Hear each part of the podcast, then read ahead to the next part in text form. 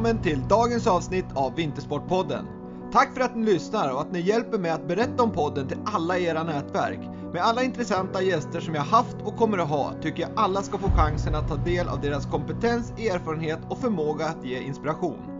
Så följ Vintersportpodden där poddar finns så ni får ett meddelande när ett nytt avsnitt är publiceras och naturligtvis följ Vintersportpodden på Instagram för att få relevant information om vad som är på gång och inspiration. Varmt välkommen till Vintersportpodden. Dagens avsnitt är i samarbete med Madsus Skis. Madsus Skis grundades 1906 och har lång erfarenhet av att producera skidor, pjäxor och stavar. Med utveckling och produktion i längdåkningens mecka Norge och med kvalitet och noggrannhet i fokus tillverkar Madsus skidor, pjäxor och stavar i högsta kvalitet för alla åkare oavsett om det är nybörjare eller världselit. För en trevlig, givande och skön skidtur, välj Madsus Skis och Brooks, The Running Company. Brooks grundades 1914 och har 108 års erfarenhet av att utveckla löparskor för alla nivåer, stilar och underlag. Brooks är enligt statistiken ett av världens absolut största skomärken inom kategorin löpning. Jag som har haft förmånen att få testa olika modeller från Brooks förstår att det är ledande skomärket inom löpning. Oavsett om jag springer snabbt, långt eller i skogen och på fjället har du modeller som passar mig och gör löpturen till en otroligt härlig och givande upplevelse. För en härlig, utvecklande och skonsam löptur, Run Happy med Brooks, The Running Company. Nu kör vi igång dagens avsnitt.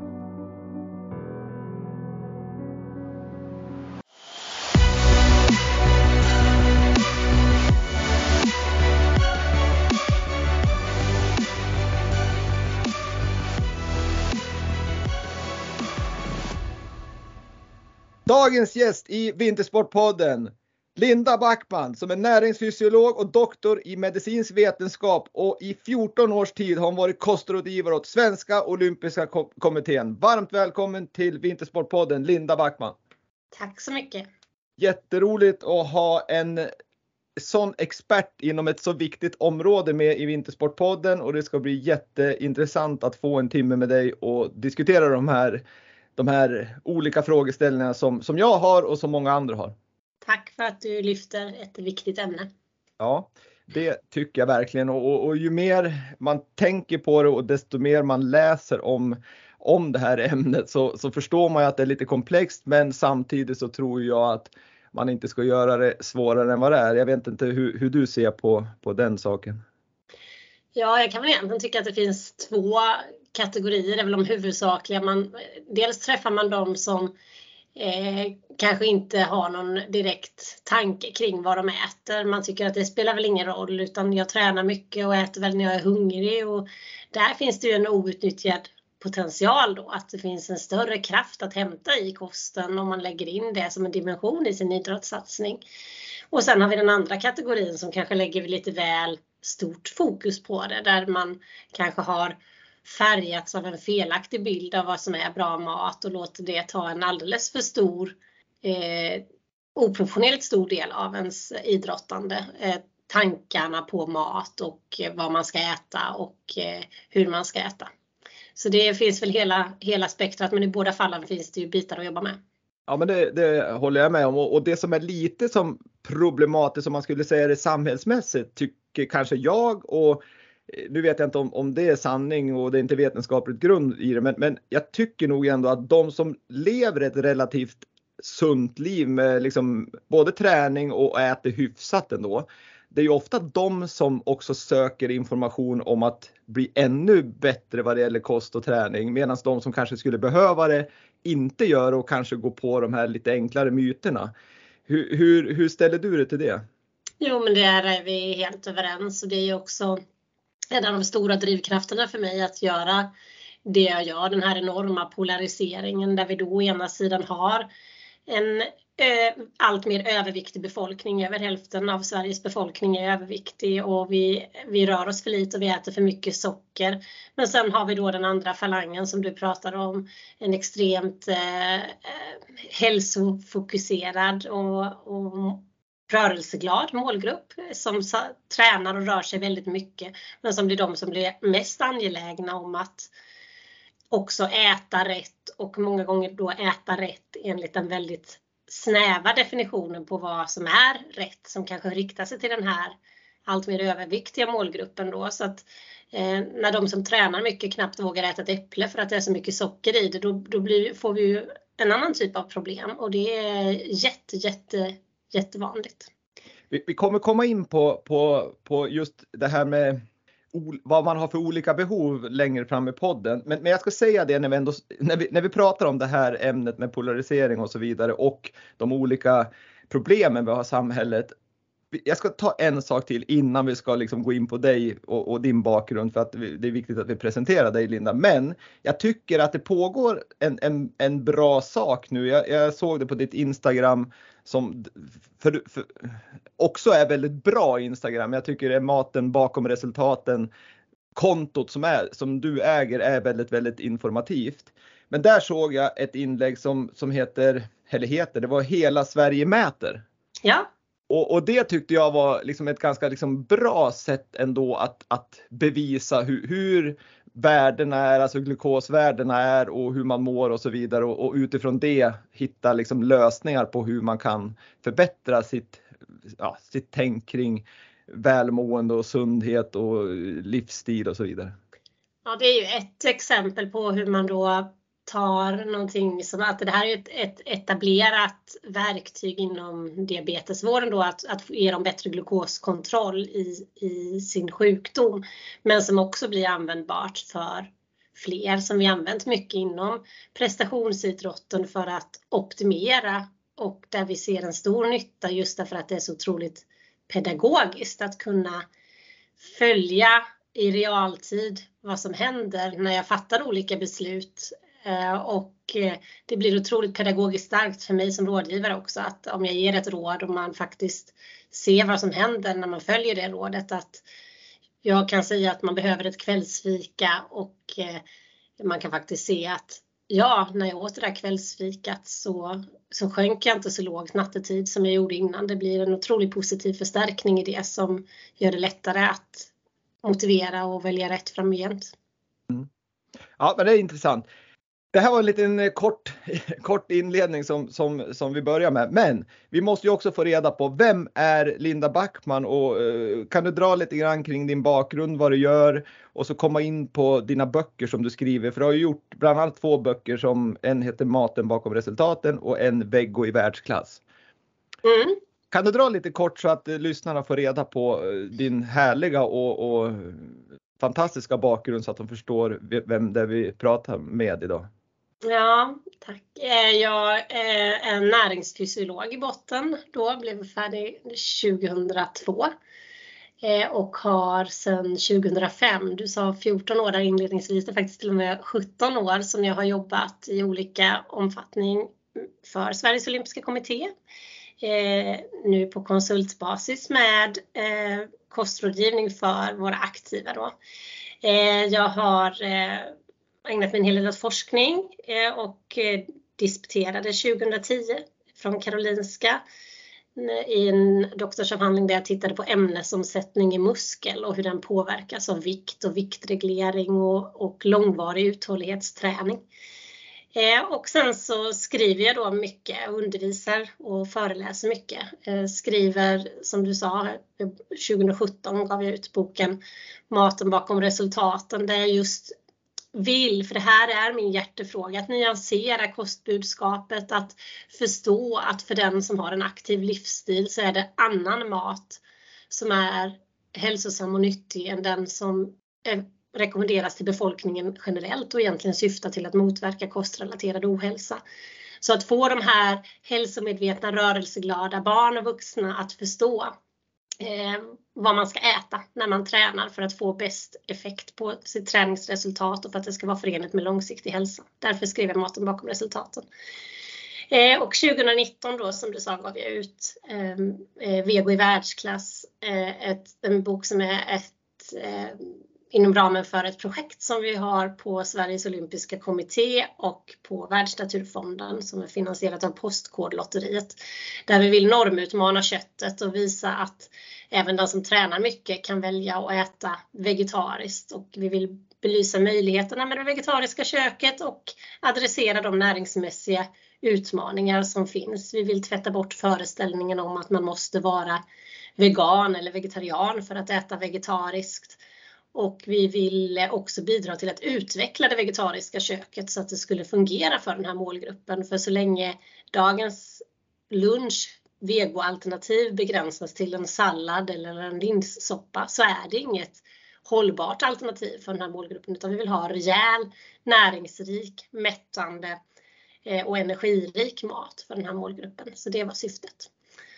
Och eh, vid årsskiftet skrev jag, kom jag faktiskt ut med en bok till som heter Hälsosegrar. Eh, den vetenskapliga vägen till ett friskare liv där jag tillsammans med mina författarkollegor Örjan Ekblom och Sissela Nattli tar ett helhetsgrepp mer om maten och rörelsen och återhämtningens betydelse för hälsan. Så en liten skiftning från prestationsfokuset till hälsofokuset. Ja, det är ju jäkligt intressanta böcker och det är en intressant bakgrund för att det är ju jag, jag förstår utmanarna för du kan ju sitta många gånger du och ha svaret på hur man borde äta, eh, vad de ska äta, när de ska äta och så vidare. Men sen kommer det en verklighet där Linda med, med nu säger jag ett OS till exempel där, där tiderna inte kanske blir som du hade tänkt dig när du gjorde ditt program eller, eller att du, som du säger att, att en linssoppa är inte good enough för en som vill hoppa över köttet. Men, men när man är i en OS-by och, och, man får bara liksom maten som är kanske traditionell och det, det är brist på den här bra vegeta eller veganska eller vegetariska maten. Hur, hur liksom hanterar man det från, från ditt sätt och liksom som den aktiva försöker men, men men det kanske inte finns förutsättningarna för, för, för att mm. göra det. Just eh, vid olympiska spel skulle jag säga att förutsättningarna ändå är förhållandevis goda. Där finns ju en väldigt stor variation på mat och enormt mycket mat, mycket tillgängligt dygnet runt eh, som ska representera alla världens kök egentligen. Så där skulle jag egentligen inte säga att den största utmaningen kommer kring att kunna hitta någonting. Eh, där får man menyer i förväg och man kan eh, tillsammans med de aktiva titta på vad som finns. Eh, där kan det mer bli den här fullständiga, eh, man, att man kan bli lite lätt Eh, Eh, får svårt att välja när man ställs inför det här enorma utbudet och att det blir lätt blir att man tar lite av allt eller inte hittar något för att det finns otroligt mycket att välja på. Men det finns ju andra internationella arenor som är utmanande och där har vi ju om för att återknyta till det vegetariska då som du säger i Sverige har vi ju kommit förhållandevis långt. Det är ju lätt att hitta både råvaror och livsmedel och restauranger som har bra vegomat. Vilket inte blir lika lätt i en internationell miljö många gånger där om man då skulle vara vegetarian eller vegan eh, får egentligen dagens lunch minus kött, fisk eller fågel. Så det blir riset och salladen och då funkar det inte såklart. Så att eh, eh, kanske inte just att den eh, mästerskapsmiljön är den mest utmanande men det finns ju gott om andra sådana och därför måste vi ju jobba med det här runt omkring. Vad kan man ta med sig hemifrån? Eh, kan vi uppvakta hotellen med eh, specifikation på vilken typ av mat vi förväntar oss att få där och, och sådana bitar för att göra det lätt att, att välja rätt även i den miljön där det kanske är som allra viktigast. Ja, och det, det var lite det jag mm, var ute efter för att jag förstår att man kan lägga upp program och, och de aktiva tycker det är bra liksom. men, men sen kommer det ju ändå till någon form av det blir lite logistik men även en, kanske en kostnadsfråga liksom när man, när man man ska kanske, ja, vi måste ta med oss mat hemifrån eller vi måste ta med oss en egen kock för att säkerställa att vi får den mat vi, vi vill för att få bra resultat och så vidare. Eh, har du bra, känner du att du får bra stöd där från både Sveriges olympiska kommitté men även förbunden som, som, som de aktiva verkar i? Jo, men det tycker jag väl att eh, det här är ju en prioriterad fråga hos många och de aktiva själva kanske när de får önska vilken typ av resurser de önskar så kommer ju ofta sådana saker som kock och sådär väldigt högt upp på listan för att man är eh, man inser vikten av det här och jag brukar ju när jag träffar en person försöka förstå var jag hittar dem på förändringstrappan. Är det en person där jag måste börja med att motivera varför man ska lägga fokus på det här med kosten eller eh, på vilket vis man kan använda kosten i sin satsning eller är det någon där jag måste lägga fokus på kunskapen, hur man ska göra. Eh, men de allra flesta skulle jag säga egentligen återfinns på trappsteget ovanför där, det du är inne på, nämligen hur får man till det här i praktiken? Jag, jag inser att det här är viktigt och jag vet egentligen hyfsat bra hur jag ska göra. Men sen är det stressigt, det är mycket energi och näring som ska in på kort tid. Jag är mycket hänvisad till utbudet i träningsanläggningarna. Jag har mycket restid och eh, mycket tid på resande fot där jag inte själv styr i samma utsträckning över vad jag ska äta. Hur får jag till det i praktiken? Där skulle jag säga är den, eh, det är det som man lägger mest tid på oftast. Mm. Ja, det förstår jag faktiskt. Det, det, det, kan jag ju känna själv också. Man har ju hyfsat koll, men just det där att att få till det i, i vardagen. Och nu är inte jag elitidrottare men, men det blir ett vardagspussel ändå med familj och så vidare. Så att, sådana saker är ju liksom kanske den största, det största hindret för att leva fullt ut på ett bra sätt. Ja, för det är ju inte bara det. Alltså som idrottare då så lägger man ju otroligt mycket tid på träning och det kostar ju då mycket energi. Men man har ju också krympt resten av dagen. Du ska alltså få i dig den mängden energi på färre timmar än din kompis som inte tränar till exempel. Att eh, mer energi ska in på, ska förberedas och intas på kortare tid helt enkelt och det är en utmaning. Yes Linda, jag ska tillägga två saker som jag, som, som jag tycker är väldigt också roligt som, som du gör och, och framförallt väldigt, väldigt bra. Den ena saken det är ju att du skriver ju väldigt bra inlägg i Svenska Dagbladet med, med kring kost och träning som är, jag tycker är väldigt, väldigt bra. Um, och sen så läste jag någonstans om att du har varit med i ett projekt kring fotbollslandslaget och hittat rätt mix på, på drycken för, för att liksom vad ska de dricka? De tappar mycket vätska under, under matcher och träningar att, att liksom hjälpa dem den vägen. Är, är, har det varit via Sveriges olympiska kommitté eller direkt mot fotbollsförbundet? Nej, det var eh, via Sveriges olympiska kommitté. Okej, okay, bra. Mm.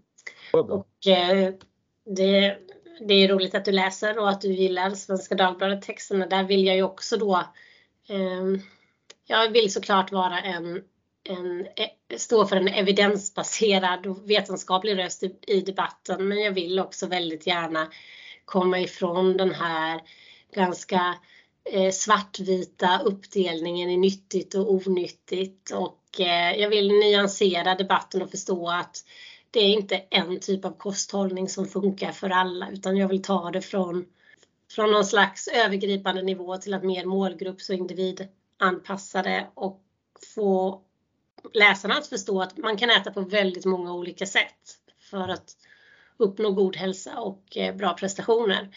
Eh, Eh, för, för ja. det, blir, det blir liksom den, eh, nu ledde du in mig på, på det spåret för att det, det finns ju så mycket myter om kost och, och som sagt var, man läser ju jag vet inte hur många kostprogram man kan, liksom det räcker att du slår upp en, en kvällstidning så, så finns ju säkert tio olika sätt att du ska äta för att gå ner 37 kilo i vikt eller vad du nu ska göra.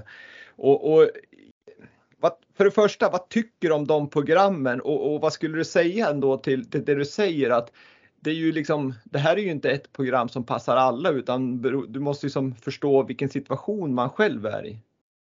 Ja, och framförallt så är det ofta ganska eh, dramatiska eh, liksom, förändringar som ska till och det vet vi eh, att det håller ofta bara en väldigt kort tid. Det handlar ju kanske inte om, om de här små dagliga justeringarna som man gör över tid och som också blir långsiktigt hållbara utan att man kanske mer ser det som en kur eller en tillfällig diet eller kost. Eh, ehm, vilket ju kan eh, i det kortsiktiga perspektivet tjäna sitt syfte och se ut på många olika sätt. Eh, och där är väl metoderna Ja, de, de, det finns obegränsat antal metoder som man föreslår skulle fungera och som sagt så går samma resultat att uppnå på många olika sätt. Och det gäller att hitta ett sätt som fungerar för var och en. Men jag jobbar ju väldigt mycket mer med det här eh, justeringarna som sagt i, i det dagliga jobbet, någonting som gör att man kan eh, etablera vanor och det tar tid eh, att göra det. Så det är inget som man gör över en natt utan det är små steg i rätt riktning precis som Eh, det långsiktiga arbetet med prestationsutveckling, att man det är daglig träning eller, eller flera träningar i veckan under många år som ger de här resultaten. Det går inte att uppnå på väldigt kort sikt eh, att man ska bli sådär fruktansvärt stark eller snabb utan det är idogt arbete över tid. Ja, för det är det man förvånas över när man ser 60 dagars programmet, du ska göra si och så i 60 dagar så går det ner. Men, men, men det är ju, det, konsten måste ju vara att hitta det långsiktiga i det, alltså ändra levnads, alltså sättet att leva i vardagen över tid. Det måste ju vara det som är utmaningen. Precis som du säger, att du kan inte bara träna styrketräning i 60 dagar, sen är du stark för resten av livet. Nej, så är det ju. Samtidigt som många då kan känna att de då sporras eller motiveras av den här snabba eh, förändringen då, att man vill se snabba resultat och det motiverar att fortsätta. Så är det ju många som argumenterar då som vill ha en, en väldigt drastisk start eller en kickstart på någonting. Men eh, det är ju många gånger det skälper mer än vad det hjälper. Vad skulle du säga till, till de som eh, lyssnar nu och som, som, om jag får säga, går på de här liksom olika eh, hälsomyterna eller kostmyterna eller vad man nu ska säga, kostprogrammen. Och just det kan vara som du säger att det är en kickstart, man, man, man blir motiverad när man ser resultat. Men, men hur skulle du rekommendera dem att tänka när man tittar på ett program? Passar det här verkligen mig, mitt sätt över tid att, att leva så här? Hur, har du något tips där? men låter det för bra för att vara sant så är det ju oftast det. Och det jag skulle vilja säga till, till lyssnarna på den här podden då, det är ju sannolikt eh, eh, rörelseglada och träningsintresserade människor som lyssnar och, och för dem så är det inte samma eh, snäva definition av vad som är eh, hälsosamt och nyttigt som, som eh, för befolkningen generellt utan man har andra utmaningar Eh, för att det ska vara hälsosamt och förenligt med långsiktig prestationsutveckling att bedriva idrottande. Det är en annan typ av kosthållning som är lämplig än den som står i kvällstidningsrubrikerna. Så att man måste förstå vem är det här skrivet för? För majoriteten av de där råden riktar ju sig ändå till en överviktig stillasittande målgrupp med uttalad risk för välfärdssjukdomar och kostrelaterad ohälsa. Och eh, där är majoriteten av lyssnarna på den här podden eh, sannolikt inte. Den här polariseringen vi pratar om, eh, det ser man ju också i, i andra sammanhang. Om vi tittar på, det är klart att det finns personer som är betjänta av att ta vitamin och mineraltillskott. Men vem är det som köper vitamin och mineraltillskotten? Jo, det är ofta de som har den mest näringsrika kosten i grunden. Mm. Det vill säga de som behöver det, det är inte de som tar till sig. Utan det är ofta fel personer som tar till sig råden och tänker att det, att det gäller dem. Eh, medan de som skulle behöva dem eh, inte nås av det eller eh, inte vill eh, ta det till sig.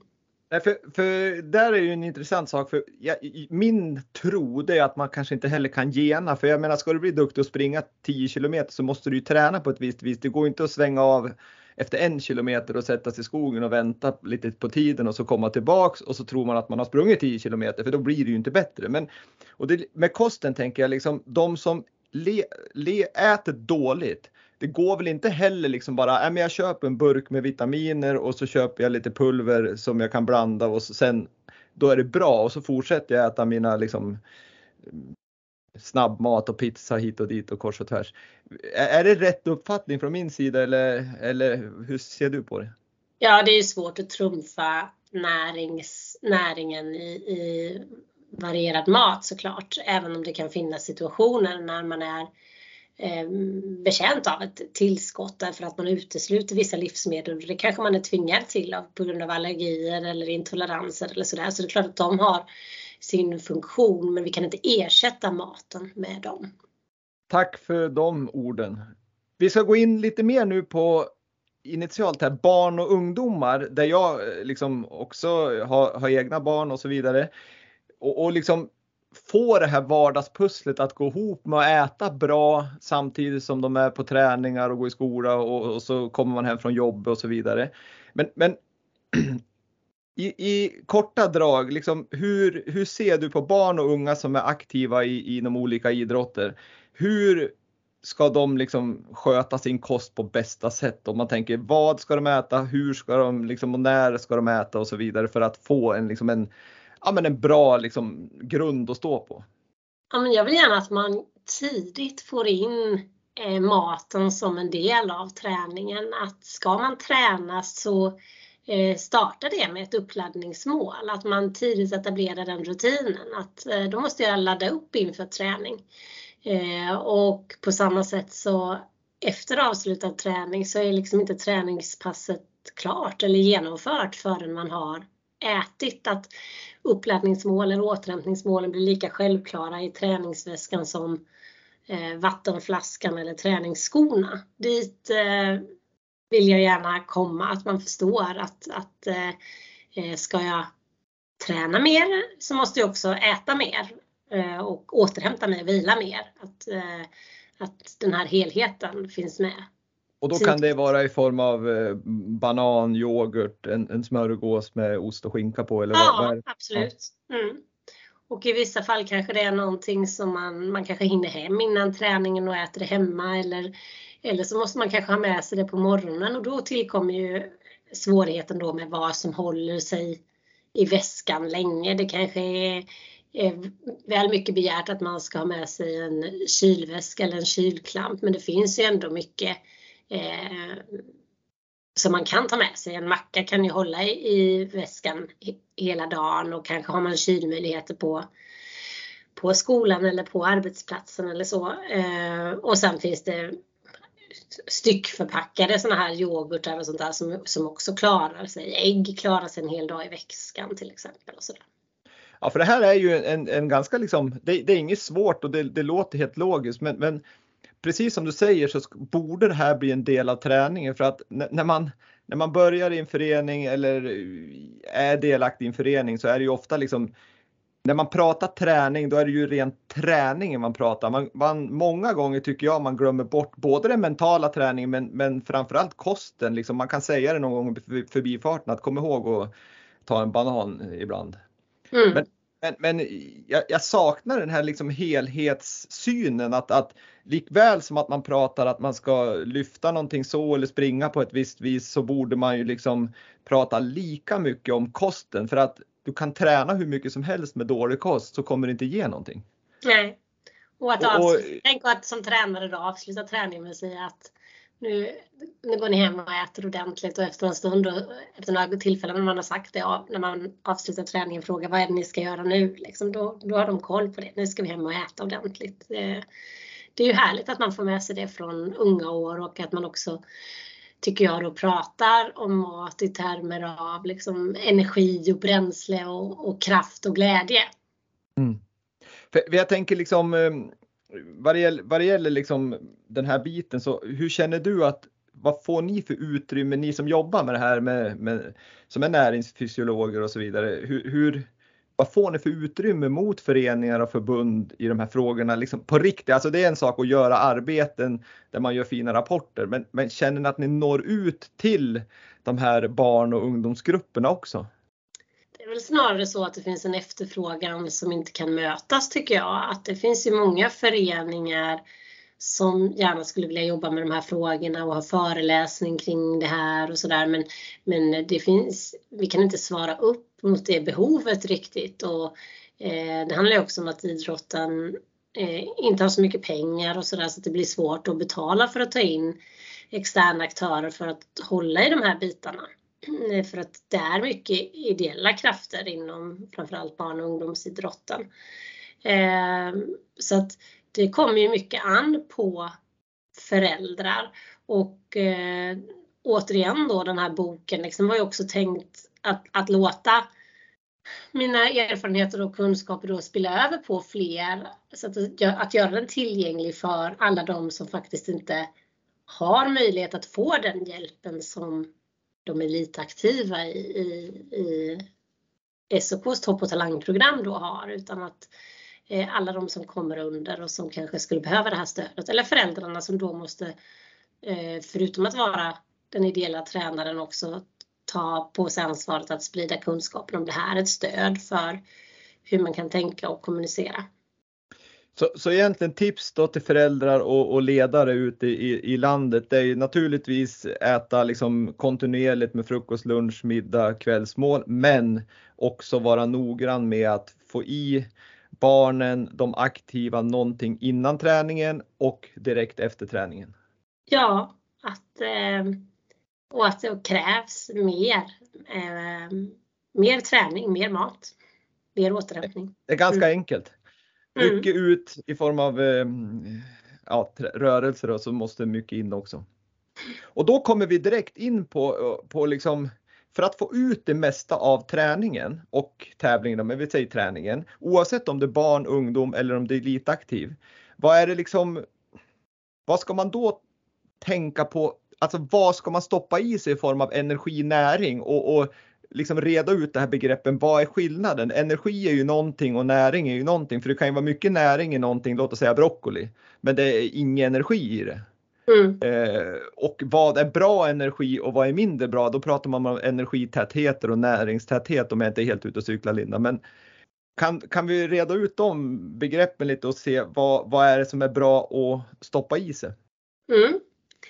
Och jag brukar vilja eh, visualisera det här vad som är bra eller viktigt, vilka faktorer av kosten har betydelse för satsningen. Jag brukar visualisera det som en triangel. Där basen av den triangeln, det vill säga vad, vad, är det absolut viktigaste? Det är att få i sig tillräckligt, både när det gäller energi och vätska. Tillräckligheten är A och O. Du måste ta en tillräckligt stor tallrik. Vi måste äta eh, tillräckligt mycket energi. Alla andra eh, aspekter av kosten är underordnade det. Äter vi inte tillräckligt så spelar det andra eh, ingen roll egentligen utan eh, då, då kommer det inte att vara långsiktigt hållbart. Och, och På nivå två, förlåt. Och, och, när vi säger energi i det här fallet då är ju det Ja, våra energigivande näringsämnen det är ju kolhydrat och fett och protein. Eh, så det måste vara tillräckligt mycket eh, energi helt enkelt. Yes. Eh, på nivå två i den triangeln, när det är då tillgodosett, jag äter tillräckligt mycket, ja, men då är det intressant att fundera på från vad? Sammansättningen på den där tallriken som skulle vara större för den som tränar.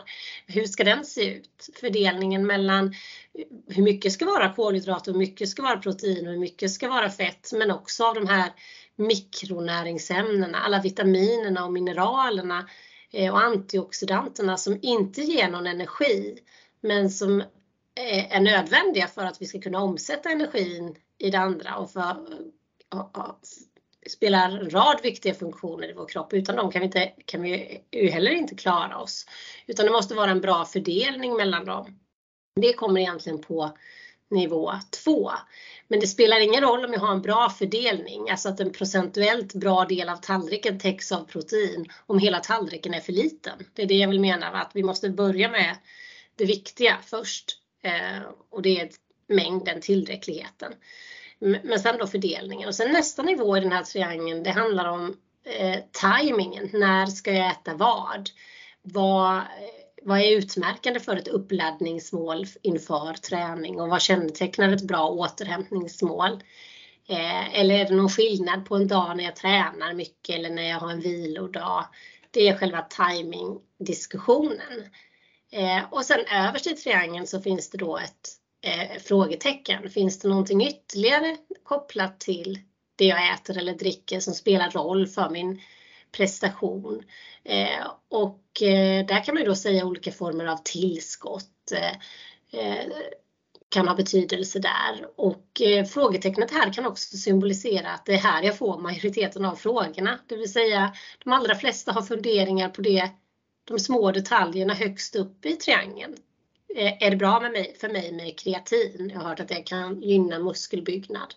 Absolut kan kreatin gynna muskelbyggnad men aldrig om du inte äter tillräckligt mycket.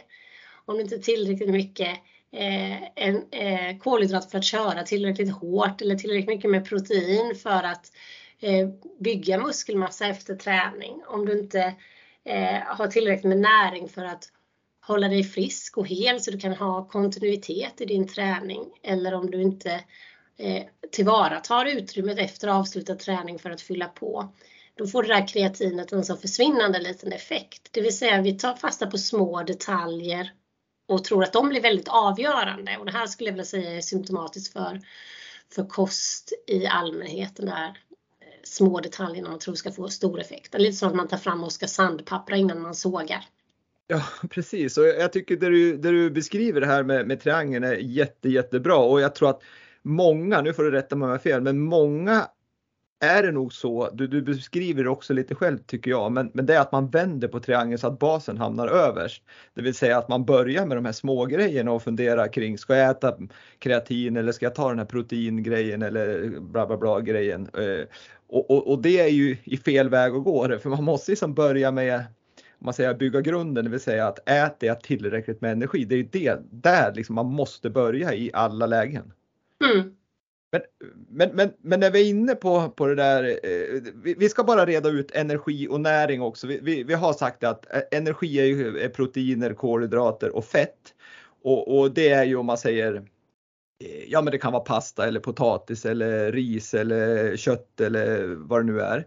Och, och, och näringsrika eh, liksom, livsmedel, till exempel broccoli vet jag har ju mycket näring men mindre energi. Ja, vi måste ju lägga till den där, det där på tallriken också såklart för att få i oss alla vitaminer och mineraler och antioxidanter. Vi måste lägga till de där grönsakerna och, och frukten och, och sådär. Men, men det innehåller ju inte mycket energi så vi kan inte leva på bara det. Vi kan inte ta en stor tallrik med sallad för det, det fungerar inte när man tränar. Eller, Nej precis och det var det jag lite var ute efter för att få fram att, att man kan äta väldigt väldigt mycket men du har inte fått i dig någon energi men du kanske Nej. har fått mycket näring men, men det, mm. det går inte om man tränade.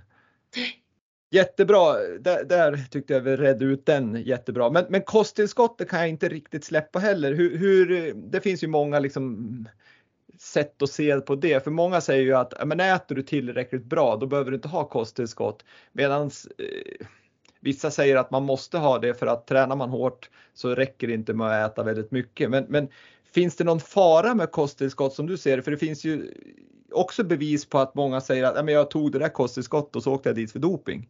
Men finns det någon fara från ditt sätt att se på det att, att, att lägga till kosttillskott?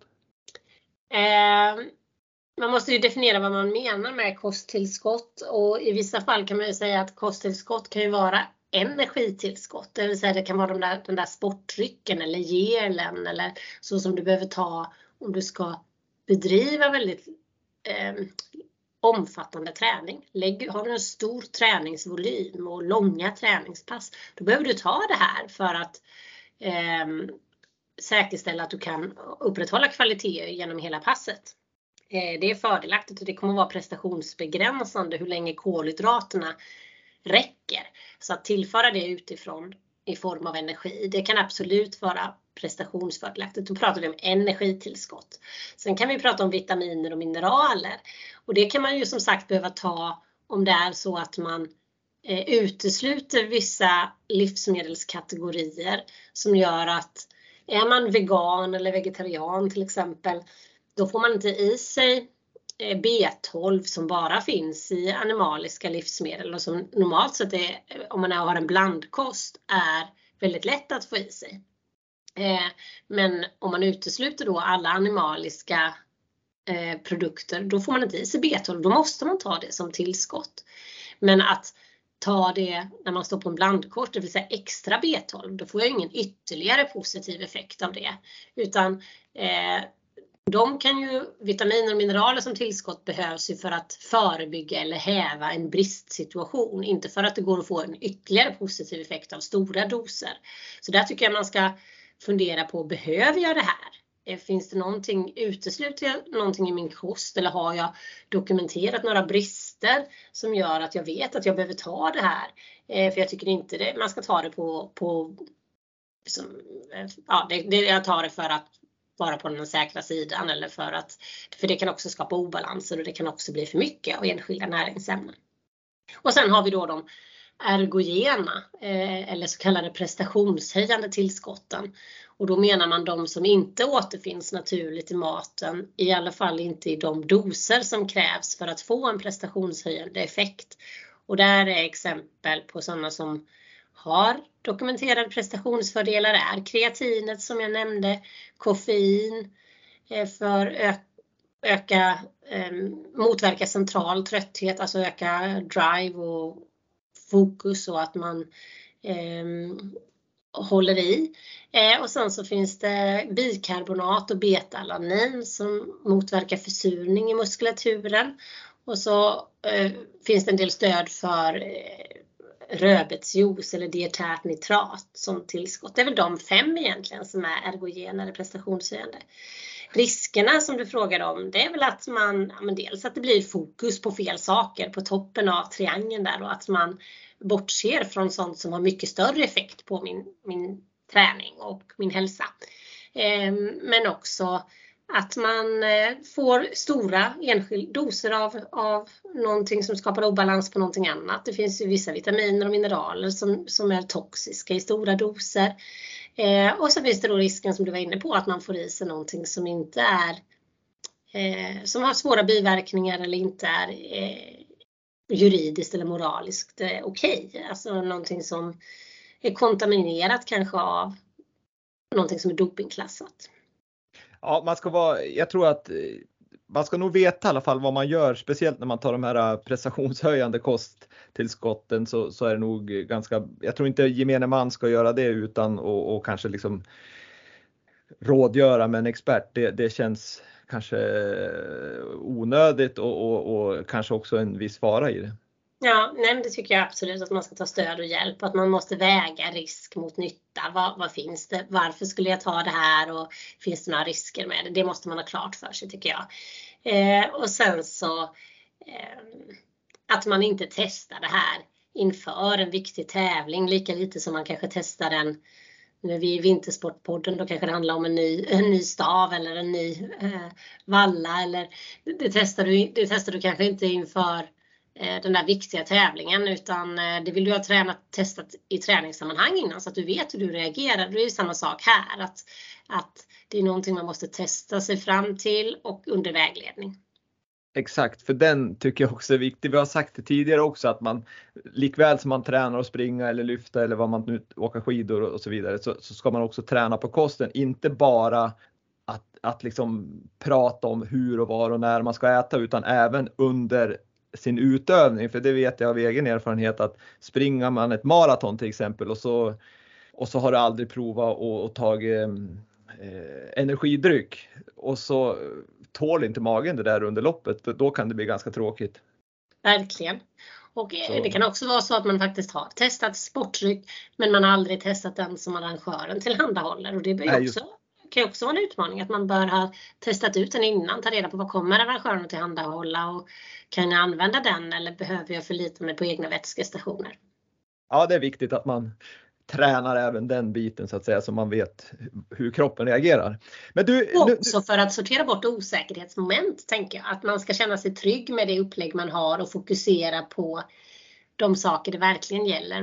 När man jobbar med kost så är det många som känner, åh, inte en sak till som man ska ha koll på och fokusera på. Men jag vill ju att det här är någonting som ska ge energi till satsningen, inte ta energi från satsningen. Och det blir lättare om man då känner sig trygg med det upplägg man har. Förberedelse. Mm. Nu har vi pratat om att man ska få i sig saker, vilket är A och O för att må bra och för att prestera bra. Men, men vad händer om man inte får i sig tillräckligt med energi, vilket är ganska vanligt i, i sport, eh, idrottssammanhang men även samhället i stort att många liksom får ju för lite energi och näring också. Va, vad är det som händer med kroppen då? Ja, eh, det första man märker är väl kanske att eh, man inte orkar genomföra träningen på samma sätt. Eh, man kanske inte får den träningsutvecklingen som förväntas. Man lägger ner man gör alla de här träningspassen men, men utvecklingen går liksom inte framåt. Jag blir inte snabbare eller starkare trots att jag lägger ner all den här tiden. Man märker det kanske för att man eh, får upprepade infektioner eller skador, att man känner sig mentalt låg, att man eh, eh får svårt att sova. Eh, det är typiska symptom på att det kanske inte har blivit tillräckligt mycket energi. Och det behöver inte betyda på att man äter lite Eh, men man äter lite i relation till den enorma energiförbrukning man har många gånger. Att man eh, med, med glasögonen som, som att vara som den som inte tränar så ser det, det ser jättebra ut det man äter. Det är ju en stor tallrik och det är ju rejäla portioner men, men man förstår inte riktigt hur mycket energi idrotten kostar. Och det här går ju kanske många gånger emot, eller det går ju emot den allmänna då folkhälsoutmaningen. För jag menar på befolkningsnivå så äter vi ju mer energi än vad vi gör av med och därför eh, har det, är det här en fråga som inte fått så stort fokus men som är utbrett och betydande i, inom framförallt uthållighetsidrotten. För där kan man ju se, där, där kan man ju se, det, det, finns två saker som jag vill prata om just vad det gäller energibristen kanske.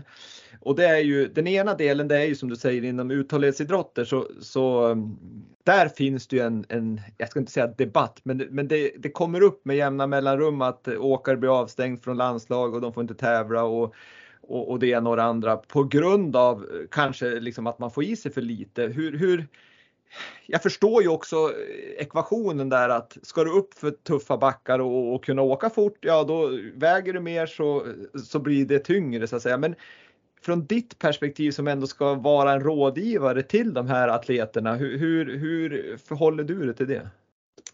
Ja, men det är klart att vikt är en parameter att förhålla sig till, men eh, det spelar ingen roll om det blir veckor av, av eh, Eh, när jag inte kan träna på grund av upprepade infektioner eller på grund av eh, slitenhet. Man får inte eh, i ett kortsiktigt perspektiv kanske det är fördelaktigt men i det långa loppet så, så kommer det inte att hålla för den här eh, långsiktiga belastningen och, och hälso och träningsutvecklingen.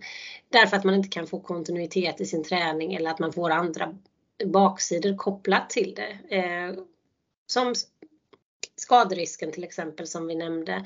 Men man har också studerat prestationsmarkörer och sett att eh, hur väl presterar man, hur, väl, hur påverkas eh, reaktionssnabbhet, styrka, uthållighet eh, hos en grupp som har tillräckligt med energi och någon som har en låg energitillgänglighet. Och det är ju nedsättande för prestationsförmågan. Eh, så att eh, det är jättecentralt att, att man får till det här över över tid. Och andra symptom som man tidigt kan upptäcka det på som du var inne på det är ju att man kanske märker att eh, fertiliteten påverkas, alltså att menstruationscykeln blir den upphör, menstruationen upphör kanske flera, flera cykler i rad och sådär som ett tecken på att nu har inte kroppen tillräckligt med energi. Och då måste den kompromissa. Och då kompromissar den bort de processerna som inte krävs för akut överlevnad. Och det är ganska logiskt att finns det inte tillräckligt med energi för den egna kroppen så, ska det inte finnas till, så finns det inte energi för att bära fram ett nytt liv. Så att fertilitet eller benmassa, mineraliseringen av vårt skelett, att bygga en stark benstomme, det kostar energi men krävs kanske inte för akut överlevnad. Så det är sånt som sparas in på eh, och som gör att det här blir ohälsosamt. Eh, inte bara att prestationen drabbas utan hälsan drabbas också.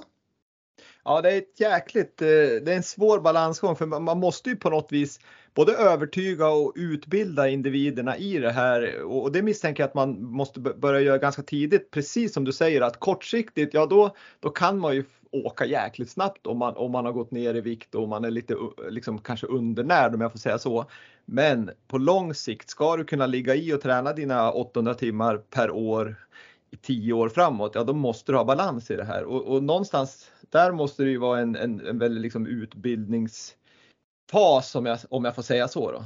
Ja, det är en utbildningsfråga och jag vill, jag vill jättegärna att den kommer in i unga år, att man förstår de unika eh, energi och näringsmässiga kraven man står inför som idrottare och de praktiska utmaningarna man måste kringgå. Därför att eh, det, det, handlar ju kanske inte om att de här personerna inte vill äta utan delvis handlar det ju om det jag var inne på tidigare att tränar man mycket så krymper ju resten av dagen för att det, det är helt enkelt mer energi som ska in på mindre tid. Det kan också handla om att man har, vilket vi också varit inne på tidigare, färgats av det här generella kostbudskapet av vad som är bra mat. Att det ska vara mycket eh, fiber och fullkorn och grönsaker och baljväxter och sånt som generellt är bra mat och det är näringsrikt. Men det innehåller lite energi och det gör att bygger man sin tallrik mycket på det eh, som ett försök att leva hälsosamt och det man tror är bra för en, då kan det bli eh, för lite energi, vilket är ohälsosamt såklart för alla, men, men som risken är större om man dessutom idrottar. Eh, men det kan också handla om att man får en aptitlöshet kopplad till träningen. Alla som har genomfört ett tufft intervallpass har känt av det här att man kommer in så är man kanske inte så sugen på att äta. Vilket också försvårar. Så att det, det är en utmaning eh, om man tränar mycket att säkerställa tillräckligt med energi. Så det, det är både en utbildningsfråga eh, och det behöver man komma in med i unga år. Men det handlar också om att få till att den praktiska förståelsen för varför det inträffar och att det inte nödvändigtvis handlar om lite mat utan det kanske bara är att man väljer eh, fel sorts mat för den träningsbelastningen man har. Ehm, och att man måste hitta verktyg för att komma runt aptitlöshet och, och eh, låg energitäthet. Mm.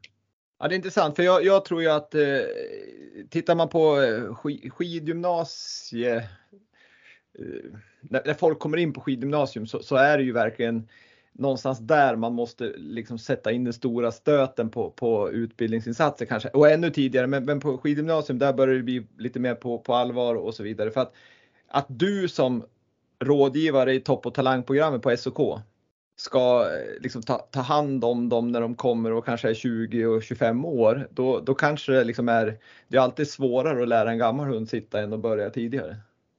Ja, och eh, delvis så kan ju vissa skador redan vara skedda om du tittar på mineralisering av skelettet och så vidare som vi har upp till 25 års ålder på oss att bygga ungefär. Sen blir det svårare att bygga benmassa. Så det är ju viktiga år. Det är ett år när man är extremt känslig och eh, det är också så att de vanor vi har då kan prägla vår hälsa även som vuxna. Ja, det är bra Linda, härlig diskussion där. Ehm, men om vi kommer in då på ditt jobb som näringsrådgivare på, på SOK framförallt då, men mot elitidrottare. Hur, hur, eh, hur ser det jobbet ut? För vi var inne på det tidigare att man kan inte bara gå in och säga att nu ska alla äta det här och de ska äta då och då utan alla har sina behov. Hur, hur går man in och gör den liksom analysen av varje individ? Det blir ju ganska tids... Alltså det, det går ju mycket tid till det misstänker jag. Ja, på SOK så handlar det ju nästan uteslutande om skräddarsydd eh, och individanpassad rådgivning, alltså väldigt lite utbildningsinsatser och sådär utan att man eh, försöker se vad, vad den aktiva man har framför sig har för behov och kunskapsnivån och vad man är på den här stegen eller trappan som jag pratade om innan då med är det motivationen som behövs eller kunskapen eller verktygen för att få till det i praktiken. Men eh, en, man behöver ju en stor förståelse för den aktuella idrottens krav.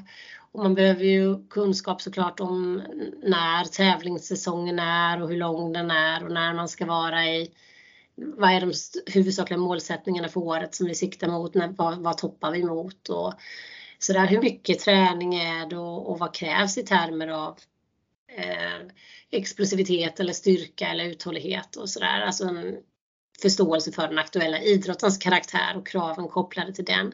Men sen måste man ju ta det till individnivå då med, med vem man har framför sig, utmaningarna den personen har.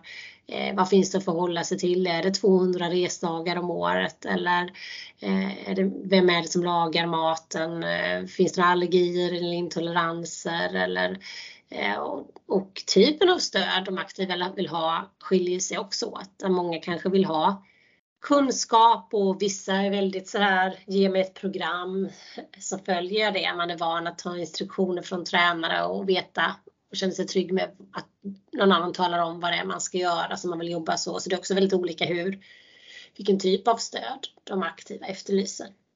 Jag förstår det. Det är ju, det är ju komplext det här och, och, som du säger så är det ju både idrotten skiljer sig åt men individen skiljer sig åt väldigt mycket och behoven. Så att jag förstår ju att det, det, det måste vara väldigt roligt också att, att, för varje individ så blir det ju en, en, ett annorlunda, liksom olika upplägg så det måste ju vara utmanande. Ja, det är omväxlande och mm. roligt och det är otroligt roligt att få vara med när de upptäcker kraften i det, liksom vilken betydelse det har för helheten och satsningen. Ja, det är jätte, jättehärliga diskussioner och framförallt så är jag så himla glad att eh, du, du delar med dig av din kunskap och, och, dina erfarenheter för att det är ett så viktigt ämne och, och, det är någonting som alla oavsett om det är barn och ungdom eller elitidrottare måste liksom att bli bättre på att ta på allvar och lägga in som du säger en del av träningen för att, att vi ska få ut så mycket som möjligt av den träning vi lägger ner. Det är, liksom, det är den ena delen och den andra delen det är ju det är den här, liksom, de som inte är lika aktiv. De, de ska ju också liksom leva sunt men, men då måste man tänka på ett lite annorlunda sätt. Mm. Eh, nu har vi pratat ett tag här Linda och vi har fått jättemycket eh, svar på, jag har fått många svar på mina frågor men, men jag kan säga att hade jag fått ta det i tre timmar till så hade inte det varit något problem att fylla men det har jag inte utan eh, vi ska gå in och, och runda av här och eh, bland annat då så ska jag ta en lyssnarfråga från en tjej som heter Sanna som eh, har frågat liksom hur man ska tänka kring kost i relation till konditionsidrott eh, skriver hon och, och när man är i klimakteriet, finns det någon, någonting att tänka på där? Eh, ja, eh, det kan man när man eh, kommer upp i klimakteriet då handlar det ju dels om att man inte har lika mycket östrogen så det blir viktigt att tänka på benhälsan att se till att äta tillräckligt med energi fortfarande. Eh, men energikravet kanske också minskar i den perioden därför att eh, man också riskerar att bryta ner muskelmassa. Så jag skulle säga att man ska fokusera på kalcium och D-vitaminrika eh, produkter som mjölk eller växtbaserade drycker som också ger kalcium och D-vitamin som bygger ett stark, eller bidrar till att motverka nedbrytningen av skelettet. Att ha ett kontinuerligt intag över, av protein över dagen eh, regelbundet för att säkerställa att man håller muskelmassan. Och att man kanske får tänka till där att helt plötsligt är man då omvänt mot det vi har diskuterat tidigare i en fas där kroppen kanske inte kräver lika mycket energi som, som tidigare. Ehm, så att jag tycker regelbundna matvanor och fokus på mycket som stärker ett, starkt, ett bra skelett tycker jag är viktigt. Till exempel att tänka på. Härligt svar och jag hoppas att även eh, Sanna fick svar på, på vad hon funderar på. Eh, då ska jag avsluta den här, det här avsnittet precis som jag avslutar alla andra och ställa en generell fråga och den lyder så här och den är enkel att svara på, på Linda och så här lyder den helt enkelt. Kan du säga en framgångsfaktor för att lyckas med idrott? Balans. Balans i, då, då förstår jag att du tänker på i, i, mellan träning, kost och återhämtning och allt vad det nu är. Mellan träning, kost och återhämtning, mellan det, Eh, de dagliga rutinerna och eh, undantagen. Mellan, ja, balans mellan eh, att låta det här vara en källa till, till glädje och styrka. Men inte låta det ta överhanden utan en balanserad inställning till kosten och till sin träning tycker jag. Det finns ingenting som vi kan äta eh, hur mycket som helst av. Eh, det finns inget som är så bra och det finns ingenting som är så dåligt att vi inte kan äta lite av det ibland. Det var fina avslutningsord. Det betyder att man ska unna sig emellanåt. Men om, som, jag, som jag brukar säga så tänk hellre på vad du äter mellan nyår och jul än vad du äter mellan jul och nyår. Exakt så. Så, så får den här avsnittet avslutas. Innan jag säger tack till dig Linda så ska jag ju naturligtvis säga att följ Lindas eh, vad ska jag säga, väg på Instagram på kontot maten bakom resultaten. Det är mycket, mycket bra information som, som hon del ger där och så sen naturligtvis läs de här böckerna som vi har pratat om. Eh, maten bakom resultaten, Veggo i världsklass och så sen den här sista som du skrev, vad hette den? Hälsosegrar.